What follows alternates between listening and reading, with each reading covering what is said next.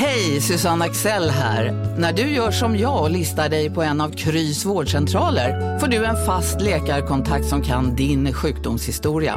Du får träffa erfarna specialister, tillgång till lättakuten och så kan du chatta med vårdpersonalen. Så gör ditt viktigaste val idag, listar dig hos Kry.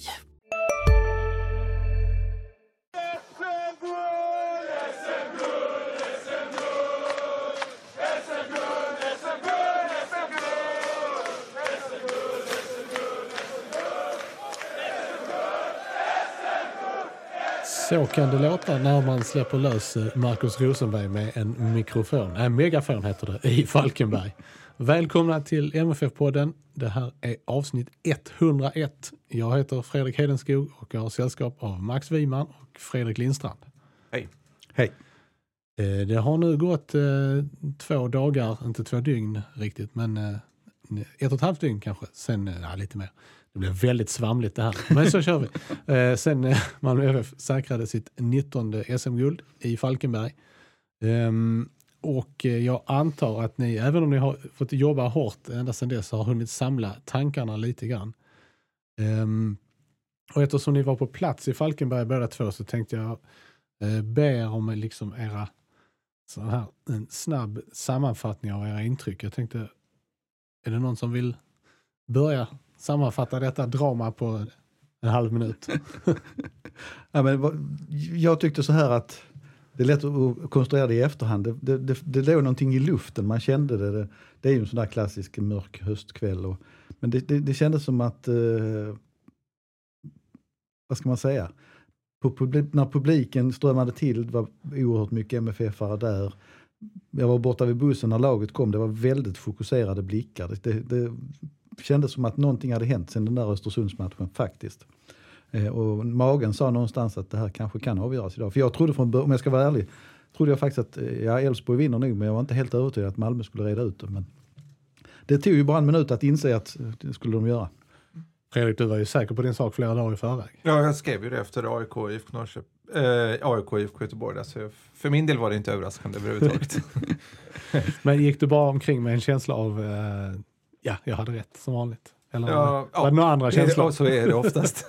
nej, men, eh, nej, men nej, om, om det var något som, som kändes eh, som det skulle kunna gå inom citationstecken fel eh, så var det väl att eh, att eh, Falkenberg skulle kunna knipa ett kryss eller något sånt där. Det var lite svårt att, att säga var Malmö FF stod efter den där eh, käftsmällen mot Östersund. Men eh, det är väl lite, har väl varit lite grejer med dem i år. Som jag var inne på förra gången tror jag faktiskt också. Att, eh, att de studsar tillbaka efter varje motgång i år. Det har varit lite signifikativt för laget. Och nu, nu blev det ju så igen. Det var ju, ja, efter en minut så kände man sig när de väl tog ledningen att eh, ja, det här kommer de inte tappa. Men det var intressant också tycker jag därför att eh, vi kommer ju prata mer om Mattias Svanberg här naturligtvis. Men jag, jag kände ju farhågor på innermittfältet och plötsligt så även om motståndet då är dåligt och matchen blir som det blir så gör Erdal Rakip tycker jag sin absolut bästa match i den positionen. Och lyfter sig väldigt många klasser sen, sen Östersundsmatchen och kanske lite hur det har sett ut ett tag för honom. Så att, eh, och när vi satt och tittade så sa vi också att det var liksom ingen som, som dippade nu utan nu, nu gjorde alla verkligen jobbet. Måste, måste bara flika, apropå Rakip på den positionen, hur många matcher i år har han gjort på den positionen?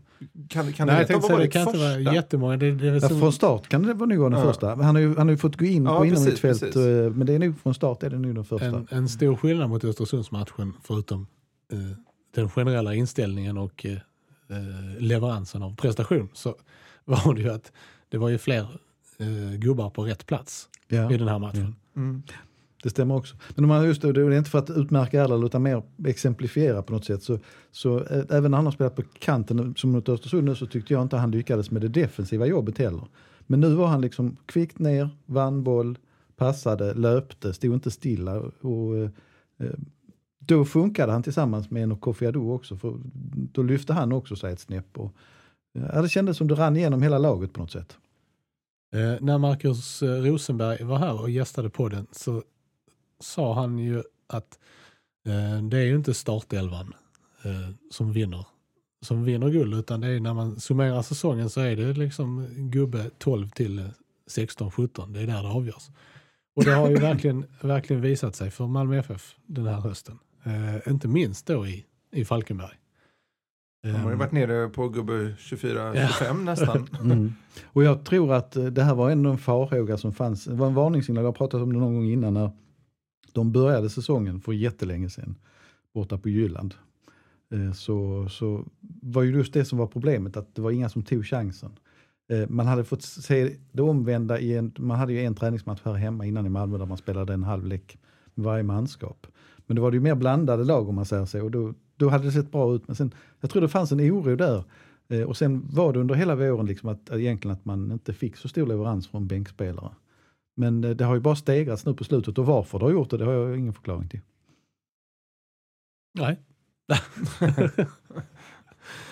Ehm, Men det är ju... Men det, det Ja, hänger väl, jag vet inte, det är så- också svårt för man söker ju liksom någon slags gruppmentalitet som är så här att man ska tysta tvivlare och så vidare. Att det, det liksom man sluter leden på ett sätt. Det är väl någon form av förklaring i alla fall. Och eh, sen också att man spelar ihop ett lag under en säsong och sådär. Och spelare blir hungriga. Det handlar mycket om klimatet tror jag. När, när man kommer in och, och, och presterar. Hur man liksom om man ja, kan prestera i miljön. Det tror jag är viktigt. Och det verkar ju som att uppenbarligen att många kan det. Sen har det handlat lite grann om att hitta faktiskt nya positioner, när vi pratar om positioner. Jag tänker både på Joshua Yutun och inte minst Andreas Windheim då, som, som Windheim har ju varit förföljd av skador hela året, men när han fick chansen som högerback innan så var det ändå lite sådär, för det blev lite defensiva misstag. Nu har han fått gå in som högermittfältare eh, och fått visa hur duktig han är med boll och att han är en duktig passningsspelare. Eh, och kanske det har då hjälpt honom på vägen. För att det var faktiskt så att även i, i U21 bara för några veckor sedan så gjorde han ett par rejäla misstag som hö, högerback. Eh, Ytterbackspositionen där kanske vi kan eh, få åter, anledning att återkomma till om vi ska titta framåt lite också. Men eh, jag tror vi dröjer kvar vid, vid Falkenbergsmatchen eh, så har vi redan varit inne på Mattias Svanberg och det känns ju svårt att undvika att prata om honom eh, efter den matchen. Ehm, Max, du som har sett eh, U21 mycket ehm, har ju har ju, så att säga, och även Fredrik, även om inte- även om inte du har sett U21 så mycket så har ni ju båda, um, vad ska jag säga, varnat är helt fel ord, men eh, sagt att det, det, här, det här ska komma. Eh, och nu har du gjort det. Ehm, är man ändå förvånad på något sätt att, att han visar den eh, nivån så här direkt när han får chansen? Ja, ja, nej, det kan jag väl inte säga. Eller man är ju alltid, man, man är väl mer hänförd kanske än att man är förvånad. Det är alltid lika fascinerande, men det är kanske inte överraskande för eh, av det, nu har man ju inte sett så mycket, jag har sett på träningar och sådär. Max har ju sett u och förstås, eh, det har inte jag gjort. Eh, annat än på någon tv-sändning sådär. Men det är, och, och någon landslagsklipp och sådär liksom. Men det är häftigt. Det är alltid häftigare när man får se det liksom live på den högsta nivån på något sätt. Och det, när man satt där på läktaren så tänkte jag verkligen på det eh, att eh, det är nu det händer, det är nu det börjar hända. Och man, man märker när han får bollen bara att folk på läktaren, man hör liksom Ja, ah, det är Svanberg, det är Svanberg, när han får bollen och så blir alltså folk liksom tycker att det är lite speciellt än, än jämförelsevis någon annan får bollen. Och de tänker att nu kan det hända och det där, är, det där är vår kille, han är från våra led, han kommer bli stor och det är liksom det, kom, det kommer gå fort nu för Mattias Svanberg och, och man ser när han gör de här målen slår han sig för klubbmärket och man känner att här, det, det, det här är liksom, det kommer bli en så speciell relation med honom och publiken och klubben att eh, att det får inte gå för fort för honom nu för att det, det är verkligen risk att eh, man sätter, att, att alla, alla sätter tänderna i honom. Media vill ha honom hela tiden. Man vill prata med hans föräldrar, vad är, han- om hans supergener och man undrar givetvis hur dyr kan han bli? Är han bättre än Alexander Isak? Och så vidare. Det, det, det är verkligen, verkligen, där har ju Allan Kuhn och Daniel Andersson eh, liksom verkligen eh, någonting att förvalta väl för menar, liksom släpper man lös honom för fort nu så är det ju risk att, eh, att han, det kommer några motgångar, han stannar, blir frustrerad och varför funkar inte det här och jag som var så hyllad under guldhösten, varför funkar det inte nu och, och så vidare. Utan det gäller ju, och Kuhn var ju ganska tydlig med det också. Jag frågade honom efter, efter matchen var, varför han inte fått spela mer i höst och då var det så att det, man må, måste vara försiktig med honom. Det är ju också så att min känsla är att eh, vi har sett vilken talang han har haft. Alltså han är väldigt duktig med bollen, han är stark, han är tuff. Det som har, började ju egentligen mot HIF när han gjorde rycket där och det här rycket nu. Den här speeden och farten och genombrottskraften så har jag inte riktigt sett i u matchen han, han har alltså inte dominerat dem på det sättet. Inte de jag har sett i alla fall. Uh, för här var det ju plötsligt att han var liksom inte bara på en bra nivå utan han var på en väldigt hög nivå. Uh, och, uh, det är kanske bättre motstånd i u allsvenskan än, än vad Falkenberg nej, nej, men det, just, det som överraskade mig var farten. Det, det här rycket han gör liksom när han bara drar rakt igenom hela vägen. och någonstans så kändes det som att det satte standard både för honom själv och hela matchen. Han, när han lyckades med det så, han gjorde ju ett mål sen, ett fint mål, behärskat mål. Han hade ett friläge där han var nära, nära att lyckas lobba över målvakten eller chippa över målvakten. Eh, så att, du testade ju på en eh, cykelspark också. Just det. Den, Fick någon eh, slags hybris där, men det är ändå fint den, på något sätt. Jag såg aldrig den. Han hade ju ett volleylob-försök mot HF. Det, Just det, liksom, nej, men det är lika bra att testa. Nej, men det, det, det, finns, det finns så otroligt mycket boll och talang och fart i honom. Eh, och eh, jag tror jag, faktiskt vi sa det redan efter HF-matchen att det, redan där kändes det som att det var det här genombrottet. Eh, och nu, saknar, nu är det ju bara akademisk betydelse men ja, det är ju så, vi, vi pratade väl om det här också tror jag. Att det var ett, eh, naturligtvis ett misstag av Allan Kuhn att inte starta honom mot Östersund på topp istället för Ekrem. Det var ju liksom, det, det, den spelartypen var ju precis det de inte hade då. Och det som är otroligt spännande med Mattias tycker jag är att man inte vet vilken väg utvecklingen ska ta. Han kan faktiskt bli innermittfältare, yttermittfältare eller anfallare. Det, det, det går bra vilket som. Mm. Men det, jag tror att, det, att, att som ung spelare tror jag det är ganska nyttigt att, att testas på olika positioner också så att man inte nischar sig. Vi satt eh, Eh, jag och Janne Jonsson satt bredvid varandra under, under matchen. Vi fick, vi fick ju inget, det var ju oerhört trångt på Falkenbergs IP så vi fick ju inget bord med där man kunde ha sina datorer. Vi blev placerade här raden ner på läktaren. Bland sponsorerna. Ja, precis. Ja, det var, herregud, det var mycket sådana här gubbar i gulvita halsdukar runt omkring oss. Men då satt vi och spekulerade lite i Amin Nasari och Erdal Rakip som ju liksom MFF valde mellan, lite hårdraget kanske för några år sedan, båda innermittfältare, unga egna talanger. Och vad som gjorde att, att, att det blev Rakip istället för Nasari. Och att, att uh, Rakip då ha, hade någonting speciellt. Jag tappar helt bort med det här resonemanget. Jag var det användbar på flera positioner? Just det, just det. Kan, du, kan du klippa det? Jag vet inte vad var det jag skulle börja. jo, eh, Um, jo, vad som skilde Amin Asari och Erdal Rakip åt. Och uh, det är ju då att Rakip kan spela på så många, han har kanske några mer instrument i, i, liksom, i verktygslådan som gör att han kan användas på en kant, han kan spela lite defensiv, lite offensiv, liksom har ett lite annat driv och så vidare. Och där, det, det syns, ju, syns ju även i Mattias Svanberg då förstås. Eh, att, att, att det, det, är ju aldrig en nackdel då. Sen så vill man ju någonstans bestämma sig också vad, vad man ska spela. Det var ju liksom det, det som kanske gjorde att Simon Tern i MFF aldrig riktigt fick det här, aldrig, att det blev så bra som han kanske var. Just på grund av att han aldrig fick spela på den positionen. Eller aldrig, det fick han ju, men att han inte fick det så ofta som han ville spela då central mittfältare.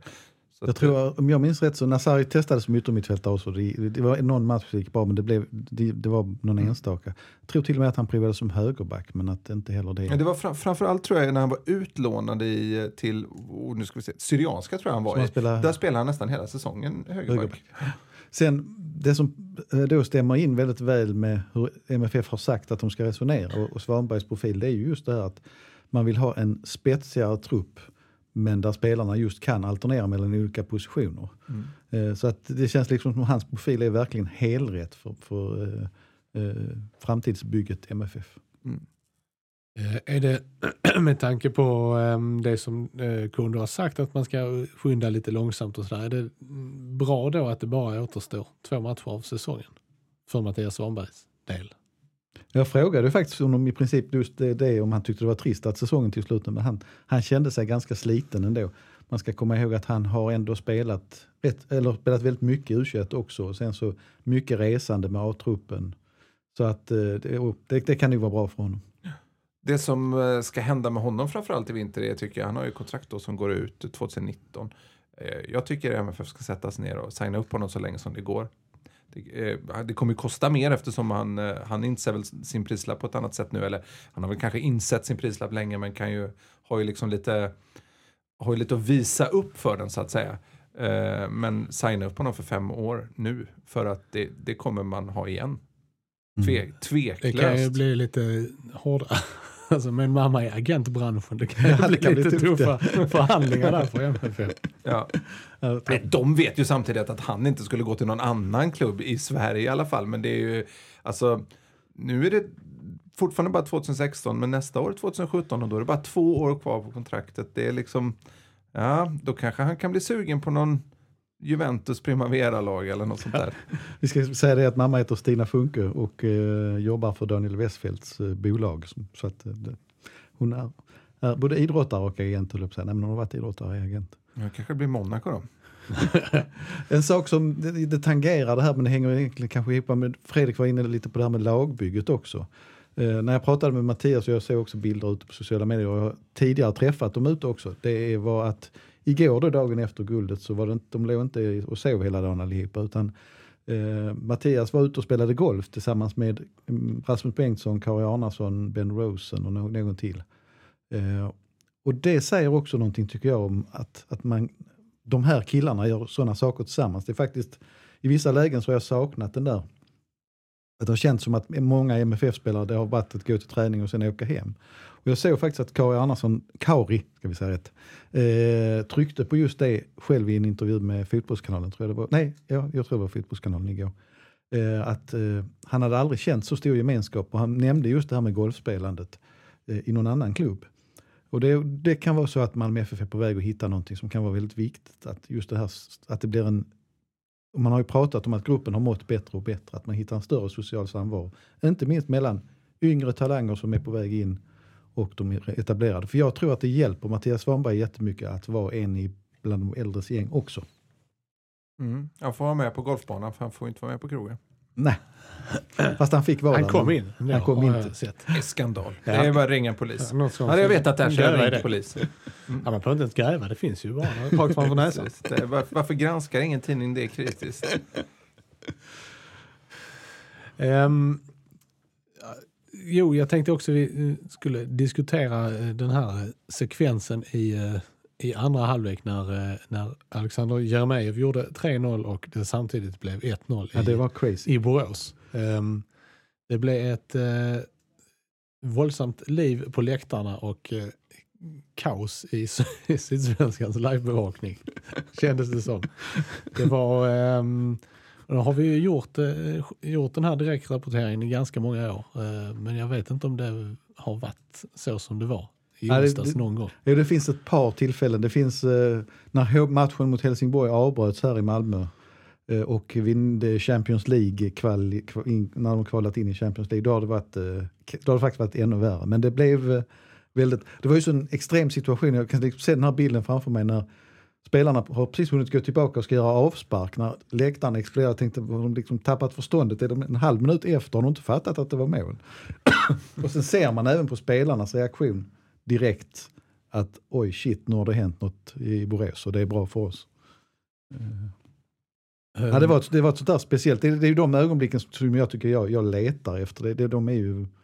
Eh, ja, dramaturgin var, var perfekt i det avseendet och, och också just det att det var sånt där guldstridsväder, blåsigt, regnigt, en jävla skitarena med löparbanor och såna här, eh, vad heter det, provisoriska läktare liksom. Det, det är någonstans svensk fotboll man gick in i när man, det är väldigt mycket svenska essensen av det svenska föreningslivet när man valde Falkenbergs IP. Det var så här uringula eh, färg på väggen och det liksom hänger små inramade porträtt på gamla ordföranden. Eh, såna här gubbar med jättetjocka bågar på glasögonen. Och så är det liksom några engelska lag som har varit här och gästat på sommar, eh, sommar, såna sommarträningsmatcher och så här. Det, det var väldigt så, ja, en doft av en annan tid. Det hade nu man inte den fått på arenan. Falcon alkoholfri arena. Nej, precis. Vi körde förresten förbi den. Eh, Du var lite besviken på den måste jag säga. Det var två stycken läktare, två långsideläktare på det var ingenting på kortsidorna, nej. ingenting.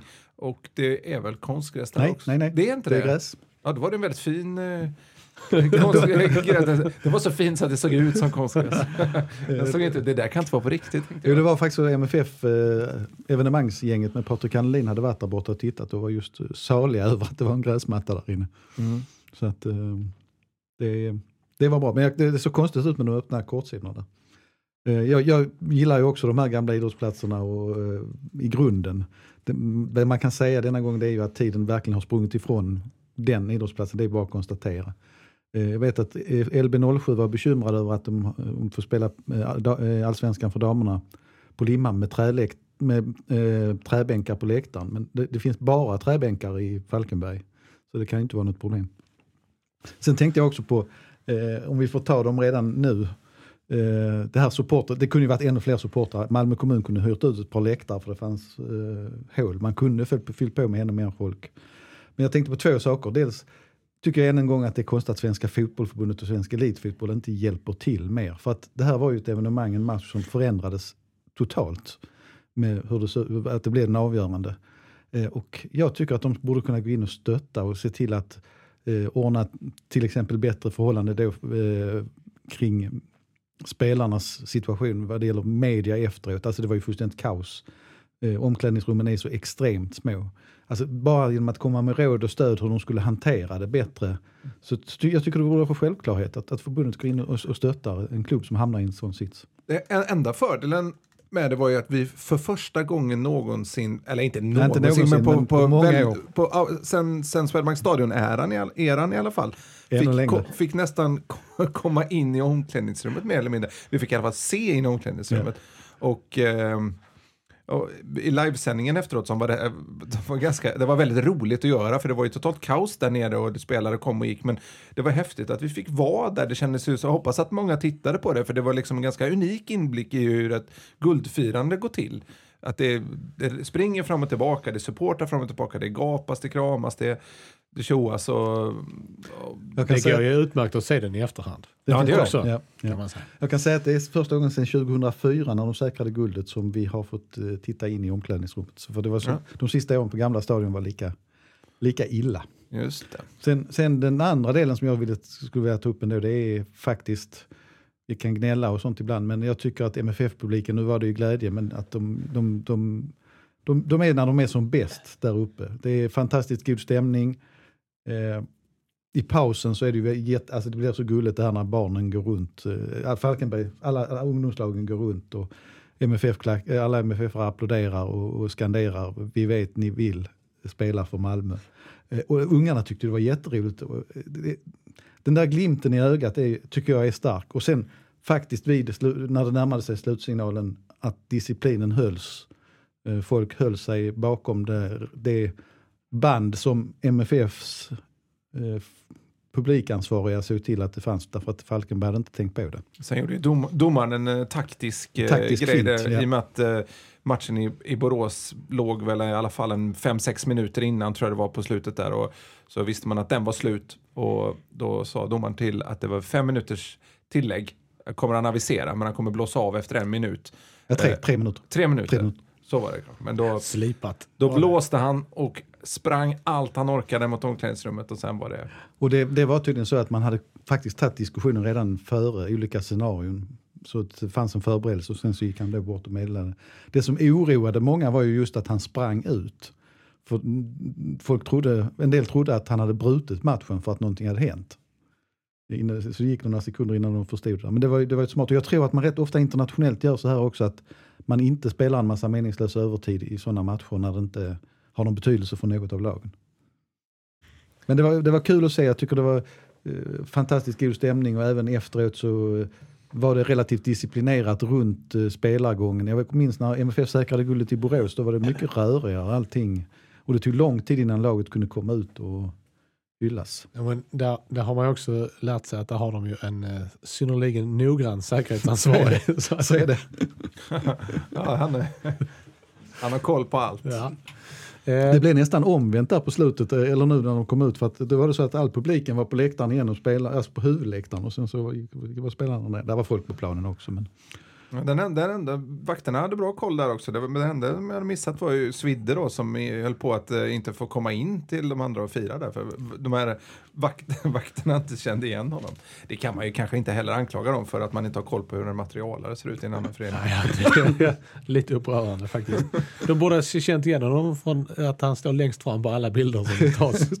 Och dessutom, den enda, annars hade han varit publik i kortbyxor. Ja, kunde det varit. Men Ehm, ja, vi kanske hoppade till slutsignalen för fort där. Men, Nej, men, men, ja, eh, men vi kan återvända lite. Jag tänkte också att man ju, eh, i sammanhanget kan diskutera betydelsen av Jo Inge Bergets närvaro i den här matchen. Mm. Ehm, längst fram så, nu, nu ska man ju såklart ha med sig att motståndet var inte det bästa, men, men eh, skillnaden i intensitet i anfallsspelet jämfört med Östersundsmatchen var ju synnerligen påtaglig. Um, vad, vad är det som gör, vi har pratat om det här tidigare, men vad är det, kan ni ändå försöka beskriva liksom, vad är det, vilken betydelse har han för, för laget? Och framförallt om man jämför de här två matcherna. Ja, vi, var, vi var väl inne lite på det i förra podden också vill jag minnas. Jag det. Eh, Just eh, drivet och attityden. Sen är ju oerhört skicklig liksom. Men, men, men även under sommaren då Malmö FF vann jättemycket matcher. Då var ju Jo Inge Berg ganska formsvag. Mm. Jag minns till exempel insatsen mot AIK. Hade han ju ganska problem och man, man försökte liksom skjuta och dribbla i fel lägen. Alltså dribbla när han borde skjutit och skjutit när han kanske borde gjort en dragning till. Eh, men hela tiden där, den här kampen och attityden där hela tiden som manar på de andra. Och man, man vill inte gärna vara den, man vill själv inte lata sig när man ser någon lagkompis ta jobb skägget. på det viset. Ja, precis. Man vill inte raka sig och man vill inte lata sig när man ser honom. Nej, men han, eh, han- är nog en spelare som behöver ha mycket energi. Jag vet att jag reagerade redan i fjol någon gång när han i Champions League-kvalet han sprang som en galning och var snabbare än alla andra och sen i allsvenskan så lunkade han. Ehm, så att han är nog den, den här, han trivs nog i de stora matcherna det, när det verkligen gäller någonting. Eh, och eh, har väl haft en direkt avgörande betydelse skulle jag säga, inte minst nu mot Falkenberg, att han var med igen. Han är ju den enda som har hållit sig frisk utav, utav de här eh, så kallade stjärnspelarna. Faktiskt ja. Mm. Jag vet inte, har han missat? Skulle han har missat någon match han också. Men eh, det är nog bara en enstaka under säsong. Mm, det är möjligt, jag har inte det i huvudet faktiskt, men jag, ja, det är någon avstängning är väl den enda egentligen. Så kan det vara. Möjligt att det är någon till, men det är ju liksom, med tanke på hur skadesituationen har sett ut så räknas det ju inte om man bara har missat en match. Nästan, det måste vara mer än så. Minst ett benbrott för att det ska Man kan skada. tycka också att en spelare som spelar med halva benskydd tar lite större risker än resten av laget. Ja, det är ju så. Man pratar, man, vi pratar, man pratar mycket om skägget. Så här. Det är ju lite uttjatat med honom. Så här, ja, han har skägg. Där. Det är ju inte, han är inte den första eller sista i, i världen att ha det. Men det är, hans, hans eh, strumpföring är ju oerhört imponerande. Det är ju inte många som kör så.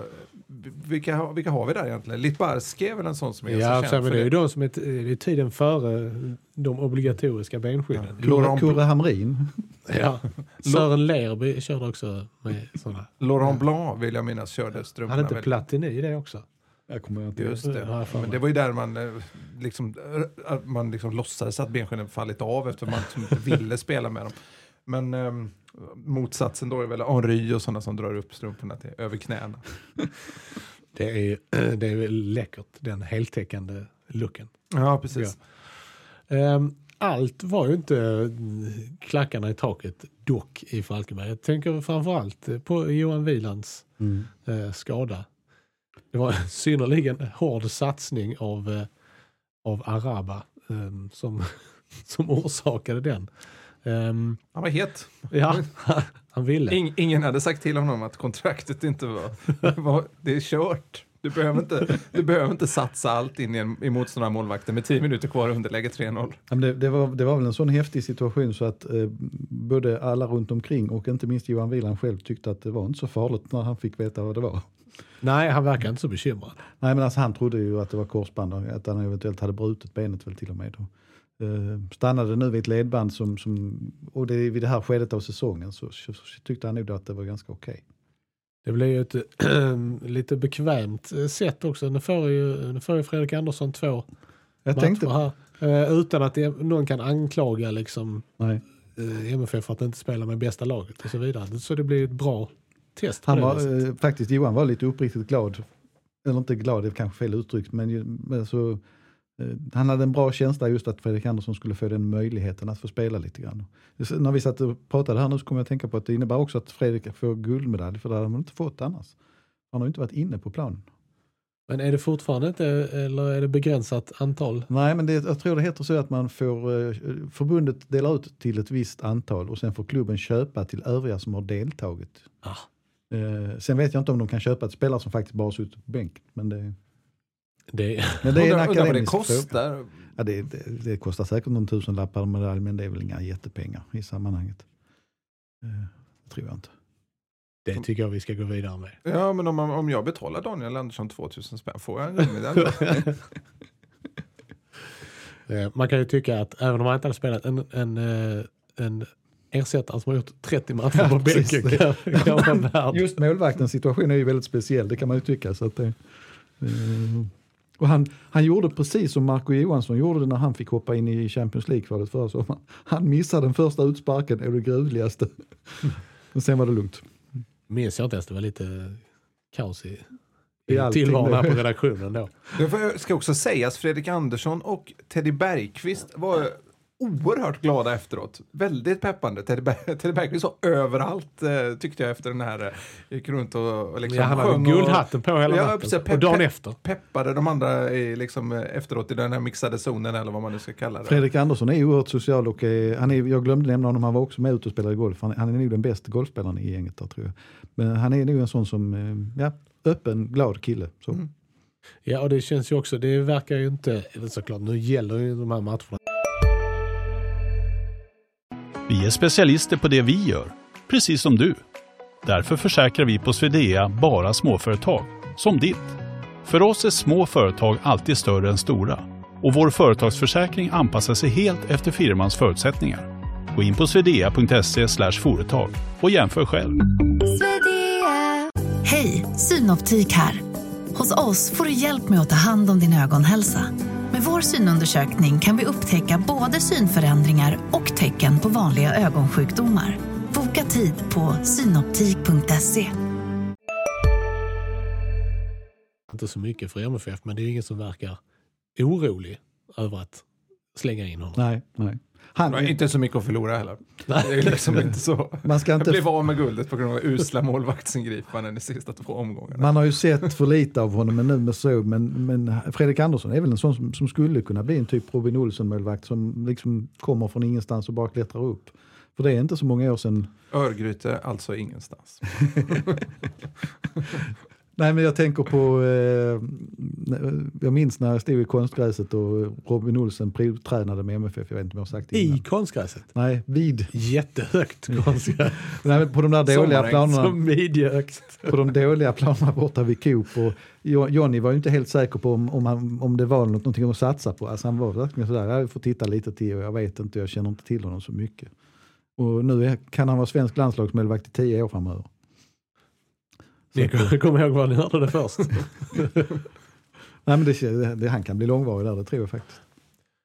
Ehm, om vi då tittar, fortsätter att titta lite framåt mot de... eh, Målvakts... eh, Jag, jag, jag hakar Ja, på ja, målvaktssituationen. ja, det är faktiskt ganska intressant. Det just med de målvaktstalangerna, det är, det är lite av ett problem i Sverige att uh, målvaktstalanger att det är så svårt för dem att slå igenom i allsvenskan. Alltså ta Marco Johansson då, han betraktas ju ändå som en av de största talangerna i landet. Han är, han är bara tredje målvakt i MFF. Och han får ju jättebra träningar, oftast. Även om man inte alltid får stå när det är tvålagsspel, eftersom det får ju ettan och tvåan göra, så att säga. Och det, det, det gör ju att det tar ju kanske mycket längre tid för honom att få chansen, trots att han på många sätt är, är ungefär lika långt fram som Mattias Svanberg är egentligen, i sin, rent karriärsmässigt. Och det, det är ju att titta på Sixten Molin till exempel, vad som hände med honom. Det, det säger inte att det är säkert att han skulle blivit en toppmålvakt i allsvenskan, men men det blir en ganska konstig utvecklingskurva för honom. Men det, det är möjligt att eh, för svensk fotbolls del så är det ganska mycket bättre om man kan... Man måste nog hitta ett, en form för unga målvakter att få spela. Snarare än att de Problemet är att de är ju bara användbara på en position. Mm. Ja, visst. Det, problemet är också att det blir värst just i topplagen eftersom de oftast har så bra u lag så att målvakterna inte får röra bollen där heller när de spelar. Ja, precis. En yttermittfältare. Du kan ju alltid byta in de sista 20 i några matcher liksom, som man leder utan att det är någon risk. Men slänger ju inte in Marco Johansson de sis- sista 20. Även om MFF leder mot, med Falkenberg med, tre- med 3-0. Jag kan tycka att en, en del av problemet är också att, att många klubbar kanske eh, vänder sig till och hämtar in utländska målvakter som kanske inte är nödvändigtvis bättre. Nej, men det är ju ett kortsiktigt ekonomiskt tänk. Eh, som, du har ju liksom inte råd att, att, att skola in en målvakt under säsong. Ja, vi tänker, vi, och tittar vi på de sista, eh, senaste fem säsongerna så, så, har det ju varit eh, rätt mycket målvaktsimporter. Det är ingen som man känner eh, har varit wow. Vad jag kan komma Nej, på sådär på egentligen- rak ja, arm. du, du är ju experten ju. Ja. Gammal målvakt sedan. Ja, säger jag. Eh, nja, korrigerar jag mig till. Kan du, du ser, ser du, att eh, kugghjulen snurrar Nej, men i jag, Fredrik det är Lindstrands liksom ingen, ingen målvakt som har Nej, varit som- bättre ingen än som den bättre, liksom- bästa svenska Nej. målvakten i serien. Eh, så visst är det så.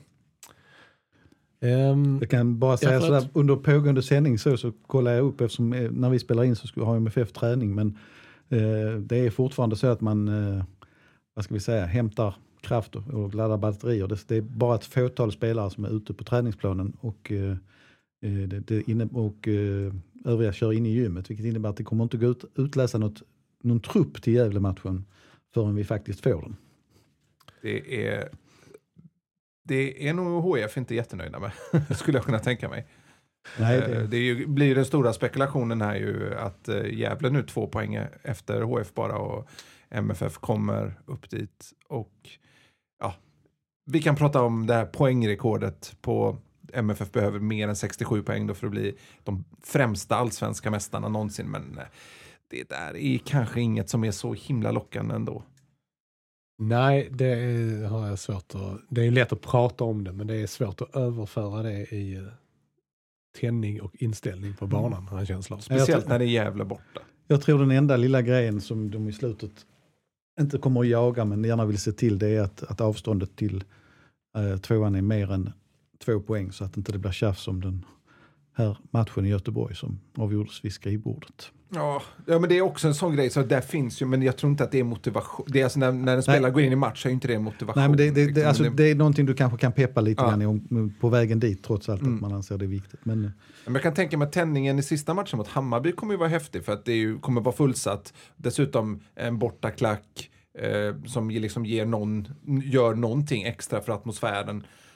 Så att det inte bara blir liksom ett event mer än en match. Eh, vilket är ju faktiskt är risken i de där, de där sista, sista omgångarna som är betydelselösa. så ska man ju inte säga, men det är nästan lite synd att det inte är någon spelare som tar, för, vi vet, tar, farväl. För det är ett sånt där bra tillfälle att hylla, alltså, som, som Daniel Andersson blev hyllad för några år sedan. Eh, Men det är ju ingen som vi vet som faktiskt kommer att lämna redan nu. Ja, det är jag som går på föräldraledighet då, så jag vet inte om det är någonting, kanske något, något, för mig i pressrummet. Ni kanske har hört Ja. någonting? Nej, säg, säg ingenting. Det, Nej, vill men inte vi kan kolla med om Jan Delin har något bokat i paus. Precis. Ja, nej, men motta lite hyllningar är väl Ja. okej. Men det är hellre att det är en överraskning, så om ni vet så behöver ni Ja. inte säga. Ja. Mm. Jag tänkte att det var, annars var det, att det var scenen som, som är uppbyggd, att det var det som det var till för. Men sen hörde jag att det var påven som skulle... Nej, det är Capons nya plattform. Påven blir ny Capo. För att återvända till, till Gävle-matchen så är det ju väl ändå så att det som, det som eh, MFF trots allt har att spela för här är ju eh, Helsingborgs eh, fortsatta allsvenska existens. Ehm, och ska man... Eh, det känns ju som att eh, för spelarna välja här så, så vill de hellre ha kvar Helsingborg än Gävle. Så är det ju säkert och det, det är av många skäl. Det är klart att de vill ha ett derby. Det är klart att eh, hatkärleken mellan Malmö och Helsingborg vill alla att den ska leva. Och Gävle är väl inte det mest uppskattade laget i allsvenskan. Och, mm. jag, min högst personliga mening är att det, är lite jobbigt med sådana lag som Gävle som, som hänger kvar och tar sig tillbaka och hänger kvar och tar sig tillbaka. Det sker liksom egentligen ingen större utveckling. Det, det, eh, Östersund är ju så oändligt mycket mer spännande i det fallet. En ganska intressant aspekt av det är ju att man brukar prata om den här nya arena-effekten, att den är så bra, men om man tittar på Gävle var ju nya arena klar förra året. Helsingborg är ny, klar, den är klar nästa säsong va? Nästa, ja. Och eh, Falkenberg, Falkenberg. klar nästa. Så att där är det ju totalt motvänt. Det är ju tre fräscha, det blir ju kul för Superettan i sådana fall. Men det, det, man, man, Malmös match i Gävle kan man ju se på två olika sätt. Även om de inte har tändning så kan det också vara så att de kan spela ut och eh, slippa känna pressen. Och då, då kanske de har, så, pass- de har ju så pass mycket bättre spelare. Vi får se vilka som faktiskt är med. Men eh, de borde ju kunna klara av den då kanske kan man tycka. Ja, det blev inga, eh, sånt man inte tänker på under Ingen själva matchen. avstängning. Det var inga kort Nej, där. Nej, Det var, Windheim var den enda men han var inte i avstängning. Nej okej. Men det finns väl vissa spelare, jag har ju svårt att säga att Berang Safari med alla krämpor han har haft den senaste tiden ska ge sig ut och spela till exempel. Vi kanske väl- skulle hysta till med en, eh, hysta till en, Startelva. ja varför inte. Fredrik Andersson är med. Japp, Ja, men det känns... Uh, den tror jag ta också. Ja. Anton Det- Tinnerholm missar inga matcher nu. Nej, det, han spelar väl vidare. Och innerbacksparet är helt givet. Jag, det är samma sak där, Rasmus Bengtsson. Det är väl möjligtvis att han och Marcus Rosenberg sitter som ersättare mot Hammarby och hoppar in sista fem för att de ska vara med. Mm. Tror jag. Eh, och Per Konate spelar väl vänsterback då. Ja, det blev så Arnason brorson där. Så Ja. Eh, vi kan väl fortsätta på det här. Det vore väl synnerligen märkligt att plötsligt kasta in Ekrem nu när han har ont i sin fot fortfarande. Mm. Eh, så det innebär väl Windheim kan stanna kvar på... Nej, Jotun kommer tillbaka på högerkanten. Mm. Eh, och Oskar Lewicki och Ado tror jag spelar centralt. Och till vänster. Nu Ja. kände jag att det blev ganska svårt helt Ja. plötsligt. Är det inte... Eh, Kan man, kan man peta Rakip efter detta? Ja, usch. Ja, jag tror att... eh, Mot Gävle? ja, luret. Nej, svårt nu. luret. Svårt nu. Svanberg till vänster. Är vi... Ja, det, det känns ju fullt rimligt att Svanberg startar till vänster. Mm. Ja. Eh, ja, jag tror kanske att det blir så ändå. Eh, och att Rakip är lovad ett inhopp på en halvlek. och så blir det väl Jeremejeff och Berget på topp. Mm. Ja. Jag trodde att det skulle bli enkelt när jag bara tänkte det innan jag sa så. nu, nu blir jag väldigt osäker i mittfältet. Det finns ju ganska mycket alternativ. Eh, Svanberg fick ju en ganska ordentlig kramp i slutet av Falkenbergsmatchen. Det är möjligt att, man, att han får inhoppet istället. Så kan man också göra för att, att man startar Erdal. Det, kan- det, Det kan ju också vara så att man väljer att vila honom lite efter den urladdningen. Ja. Eh, och att han spelar, spelar mot Hammarby istället. Fast nej, det, det tror jag inte. Eh, av det enkla skälet att då tror jag faktiskt man hade lämnat honom i Malmö och låtit honom spela U19 SM-final istället. Sant. Jag tror att man kommer att använda honom. För, för det kommer att bli tunt på bänken sen. Det, Allan Kuhn sa ju igår att han, de kommer att flyga upp eh, U19-spelare efter finalen. Eh, som, som inte kommer att vara med och träna i Gävle utan som backup på bänken. Inklusive Pavle. Vagic. nu kunde jag. Ja, Mm. sitter den. Dennis. Hadzikadunic. Så ja, nu sitter Ja, det. ja, men den, är, den har ju tröskats här i flera månader. Den, den har hunnit sätta sig. Jag får en sån eh, språ, språka med MFF snart. Man verkligen får lära sig. Går vi igenom från U19 och uppåt. Ja, men det här, här handlar det ju mer om att uttala namn rätt sen. Så nästa, vår nästa roll så ska vi stava dem rätt. Det är, Ja, det slipper vi här. Det är ju därför, därför är Ka- Kauri Arnason, han är lättare i pappret än i podden. Absolut. Um, ska vi ta några ord om, eh, om torsdagens eh, firande på Swedbank Stadion? Just det, också? vi blev koppade över det där. Ja, det blev, vi gick några dagar framåt i händelserna. Eh, ja, den sändningen kan du också fortfarande se på sydsvenskan.se eller på vår YouTube-kanal. Um, det var en småputtrig tillställning. Ja, det var precis det ordet tror jag jag använde. Det, det, man kan väl konstatera att något firande på Stortorget lär inte bli aktuellt nu för det, det går inte att fira hur mycket som helst. Det var kanske ganska smart att ordna för de som ville att liksom hylla laget dagen efter. Alla var inte i Falkenberg men, men det, var, det var liksom en okej tillställning men inte som lyfte sådär jättemycket. Eh, men det är imponerande ändå. Det kom trots allt runt 1500 personer i ett inte så trevligt väder. Och det visar ju fortfarande återigen då hur stort det här är för folk. Det, det, så är det ju. Du tror inte det blir någonting på, på Stortorget? Nej, jag, jag tror inte det. Jag har, jag har svårt att tänka mig att eh, eh, i och med att man har detta och man har eh, guldmatchen som blir en ren hyllningsmatch det också så, så tror jag inte att det går att krama ur mer ur detta. Eh, det som var kul att se tycker jag var härligt det var liksom att eh, spelarna hade plockat med sig ungarna och fruar och fästmör var också där. Eh, just att ungarna fick delta, det blev inte så stelt då utan Markus Rosenberg bar in bucklan. Jag undrar förresten vad det var för en buckla. Ja, alltså därför, riktigt. de får faktiskt ta fram en bättre replika på Lennart Johanssons pokal. Den var inte, den såg inte vacker ut nej. Men han bar in den tillsammans med sin dotter i alla fall. Det, liksom sånt tycker jag är lite kul. Framförallt den bollen som satt uppe på. Den var det, det, var, det var ingen boll. Jag vet inte vad det var. Men eh, sen var jag lite överraskad att man inte spelade MFF-hymnen där. Men Ja, det kanske är... Den bara förbehållen match. Ja, det var ju så att de, de spelarna släpptes ju in en och en så det blev ju speciellt på det sättet. Det, det som var roligt var ju den här lilla hälsningen till IFK Göteborg på, på hans, eh, matchtavlan där, det, där matchen stod, nu stod MFF 19, Göte, IFK 18. Jag, jag, vet, jag tyckte den andades lite, lite komplex. Eh, Det känns så konstigt. Malmö FF eh, har ju en svansföring av att man är störst och bäst och sådär. Och när man ska fira ett guld, ja, då, då ska man liksom dra in IFK Göteborg i det på något sätt. Det kändes lite så. Ja, det var inte riktigt likt klubben att göra det. Ja, men du, är- du är inte från Malmö, det är liksom det, är det där att man... Det kaxigheten där. Stod det, IF, stod det IFK? Det står IFK Då dessutom. har vi fastslagit att det är inte Göteborg. Det borde stått IFK 0. Jag vet, men de har väl bara plats till tre bokstäver där uppe. Det, är det, som är, det borde stått GBG kanske istället. Men, eh, nej, men det, var, det, var ju ingen, det var ingen sån föreställning som lyfte till taket, det kan man ju inte säga. Det, var, det, det är där inget tak heller. Men det, det var ett tillfälle för media att träffa spelarna dagen efter och eh, som sagt folk fick... Det roligaste var egentligen att se stackars Anders Christiansen och Johan Wieland hoppa på kryckor över hela den tunga gräsplanen. Men Wieland kunde ändå gå hjälpligt på, eller stötta sig, Ja. sätta, lägga vikt på foten. Det kunde inte Christian. Christiansen hade lite jobbigare. Wieland använde det som, som händer, att applådera med Ja. de här kryckorna också. Så att, Ja, det är snyggt. Ehm, hur, ehm, hur var spelarna sådär dagen efter? Verkar de pigga och glada eller trötta och glada? Jag tyckte, jag vet, det är svårt att recensera, men de var nog mest lättade. Det var, inte, det var ingen sån här eh, supersprudlande som det var uppe i Falkenberg, utan de var nog mest lättade. Det intressantaste egentligen som skedde där, det var ju kanske i snacket, stod och pratade en del med Allan Kuhn. Han chattade ju också med våra läsare. Ni såg att han skrev själv.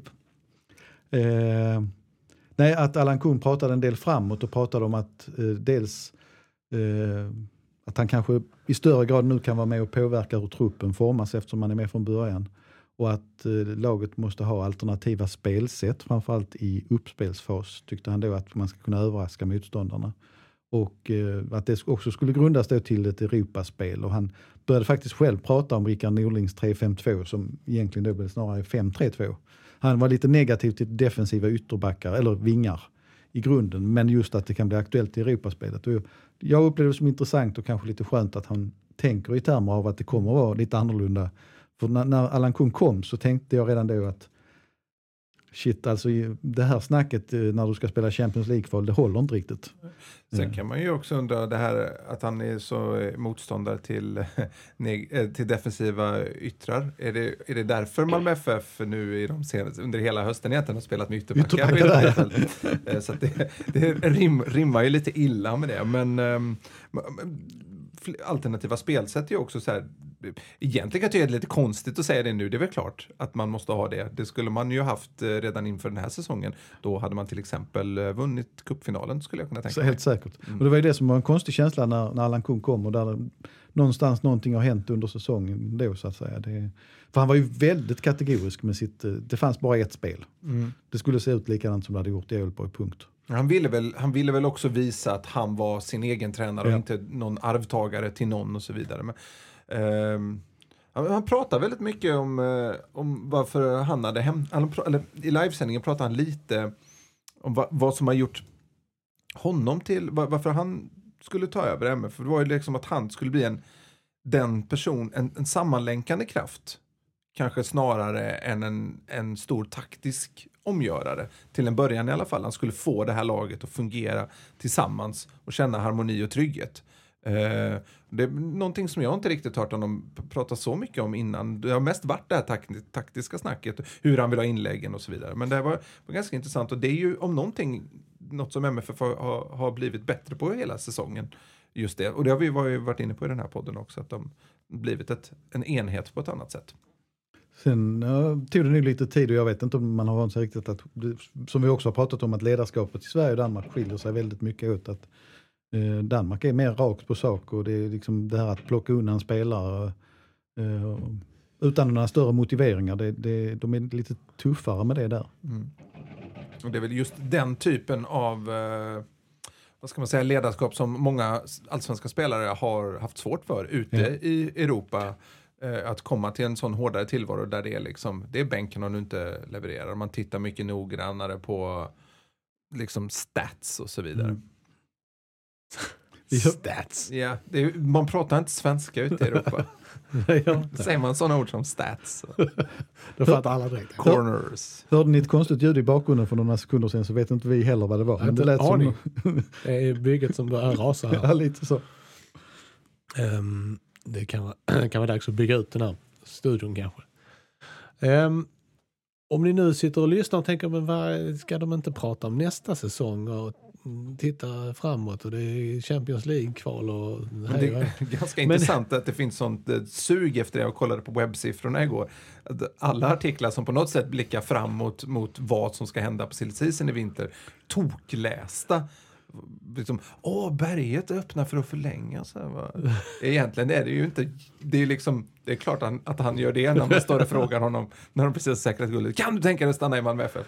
Nej, jag vill inte uttala mig om det nu. Nej, det är ju aldrig livet. Men då kan jag ta semester i två och en halv månad nu då, så slipper jag det här.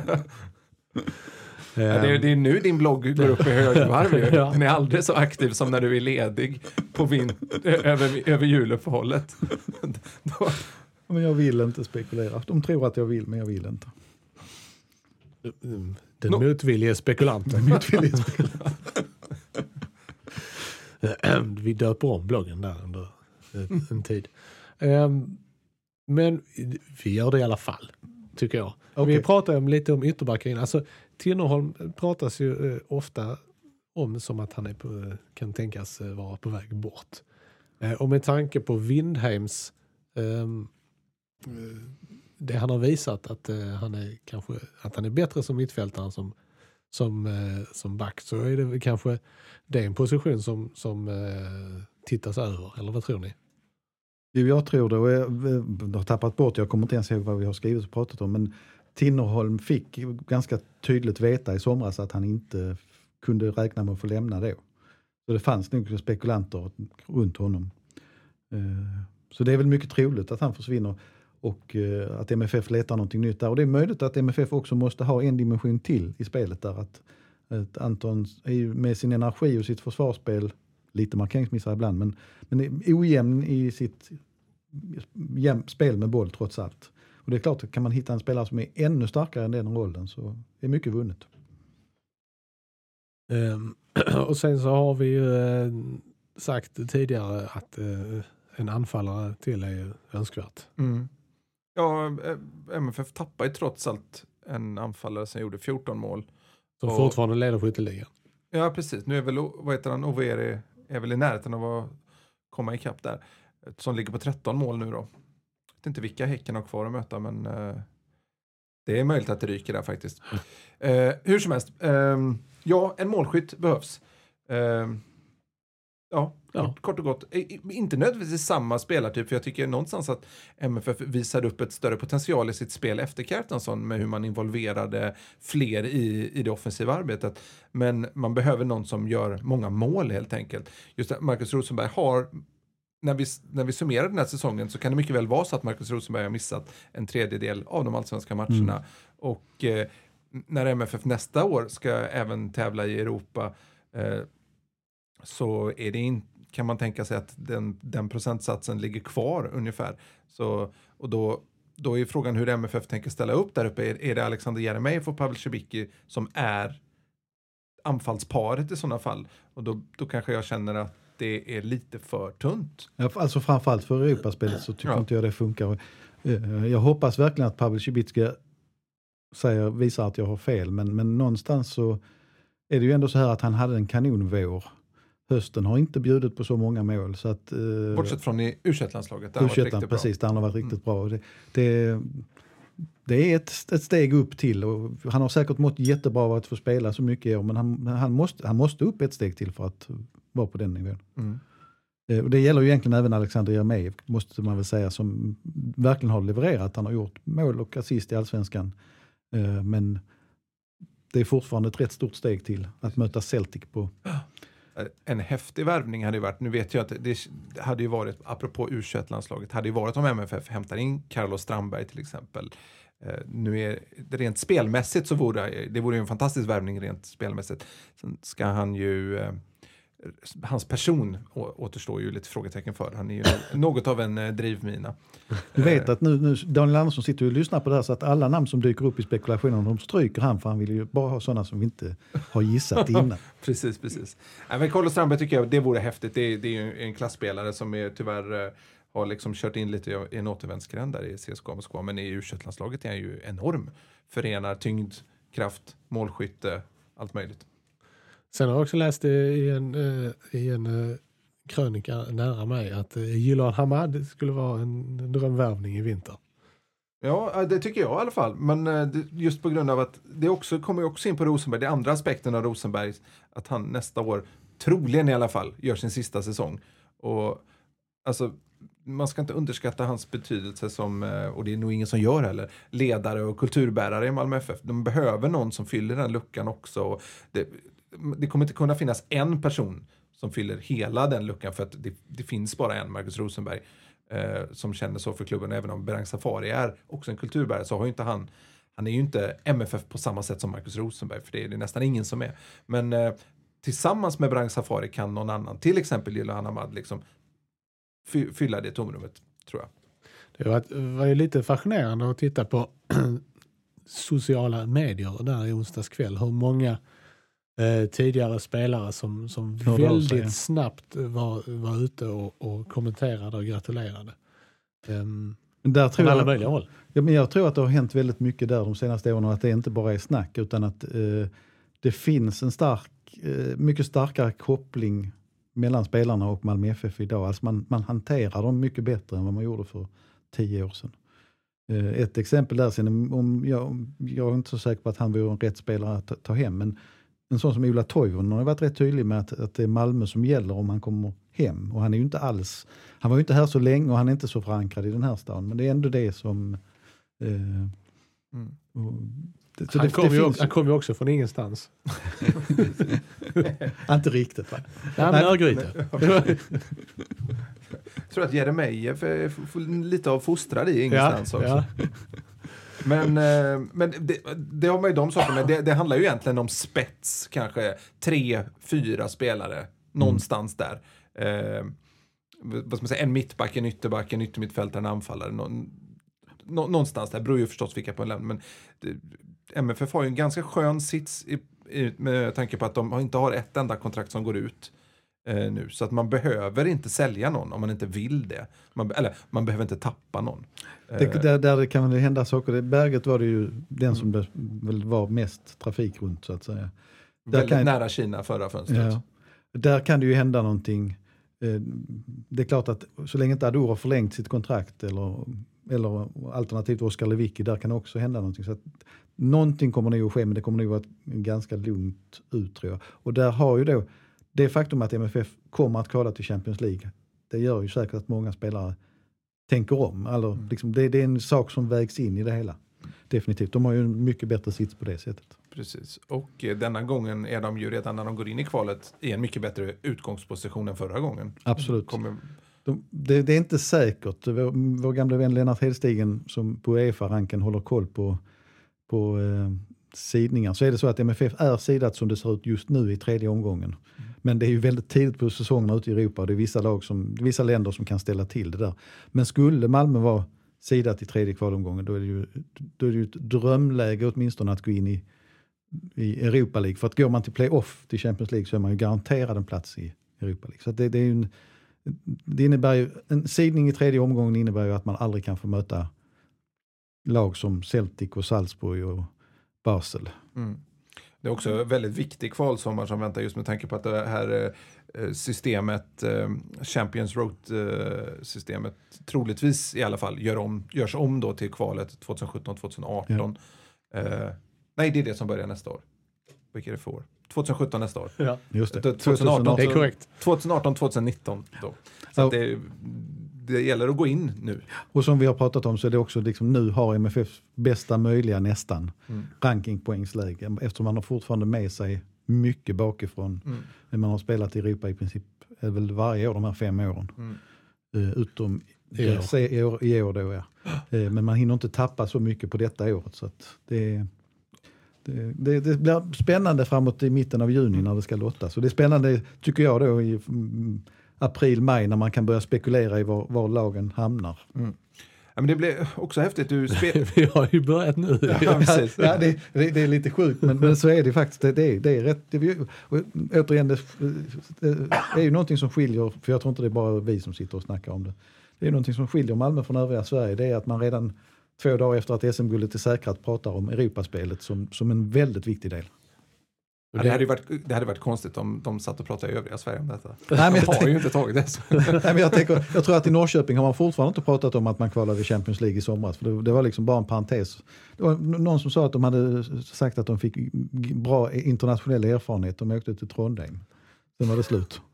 Men, men just på grund av hur spelarna resonerar. Eikrem kan jag tänka mig vill revanschera sig i Europaspelet och kan nog vara sugen på att förlänga. Han verkar trivas bra här också. Ja, jag tror jag också. Eh, men Berget har ju trots allt avgjort ett playoff-möte för MFF mot Celtic och liksom startat i de här Champions League-matcherna och nu då vunnit SM-guldet. Det, han, han kanske någonstans kan känna sig lite färdig med Malmö FF. Eh, så det, det, han är väl den som är det största risk att han försvinner skulle jag kunna tänka mig. Mm. Mm. Säger inte emot. Nej. Um, hörni, eh, det här har ju varit en eh, fruktbar diskussion som vanligt. Ehm, och vi får se det här lite grann som eh, del två av eh, 100 avsnittsjubileet med eh, två poddar på en vecka. Ja, guld. Exakt. Är det, det är alltså Extra. 100B detta egentligen? Eller Ja, 100, nu har jag 100, ju sagt 101. Så att, eh, 100G? ja. Eh, ehm, ja. Ja. Det var- Du får spela om början ja. Börjar låta Nej. som någon slags bi- biblioteks... Eh, inno- Eh, Men vi kommer tillbaka med eh, nya tag och eh, förhoppningsvis mindre förkylningar nästa vecka. Hoppas vi. Vi jobbar för att få ihop det. Det är ju mycket som ska lappas och Jag, lagas. säga, jag ska ju åka upp till Gävle och se Gävle MFF. Den matchen Den känns tar ju, på krafterna. nej, men den känns, ju väldigt, den känns ju väldigt intressant. Eh, Man är väl dum i skallen men den känns väldigt intressant med tanke på HIFs läge. eh, Hur det kan påverka och hur MFF tar sig an. Vi ska säga det att MFF åker upp dagen före, tränar på arenan där uppe. Man ändrar inte på upplägget för det kunde ju varit en sån fuling att man hade åkt upp söndag morgon istället. Men den delen tar man absolut mycket seriöst. Och eh, det är också spännande att se vad de ställer för lag på benen. Absolut. Det ska, vi ska avsluta varje avsnitt med absolut. Faktiskt. Ehm, det här eh, har varit det 101 avsnittet av MFF-podden. Jag heter Fredrik Hedenskog. Jag har haft sällskap av Max Wiman och Fredrik Lindstrand. Och ansvarig utgivare är... Vi lovade att jag inte skulle bolla över det där. Nej, ska jag säga det då? Ja, säg. bara vi, köra, vi, bara vi, det, det, det. tror jag att vi har gjort 100 avsnitt, nu är det dags att släppa det. Ansvarig utgivare... Oj, oj, oj! Så satte jag ner foten ordentligt där. Nu får det vara slut. ansvarig utgivare är Pia Renqvist. Tack för oss. Hej, hej! Hej.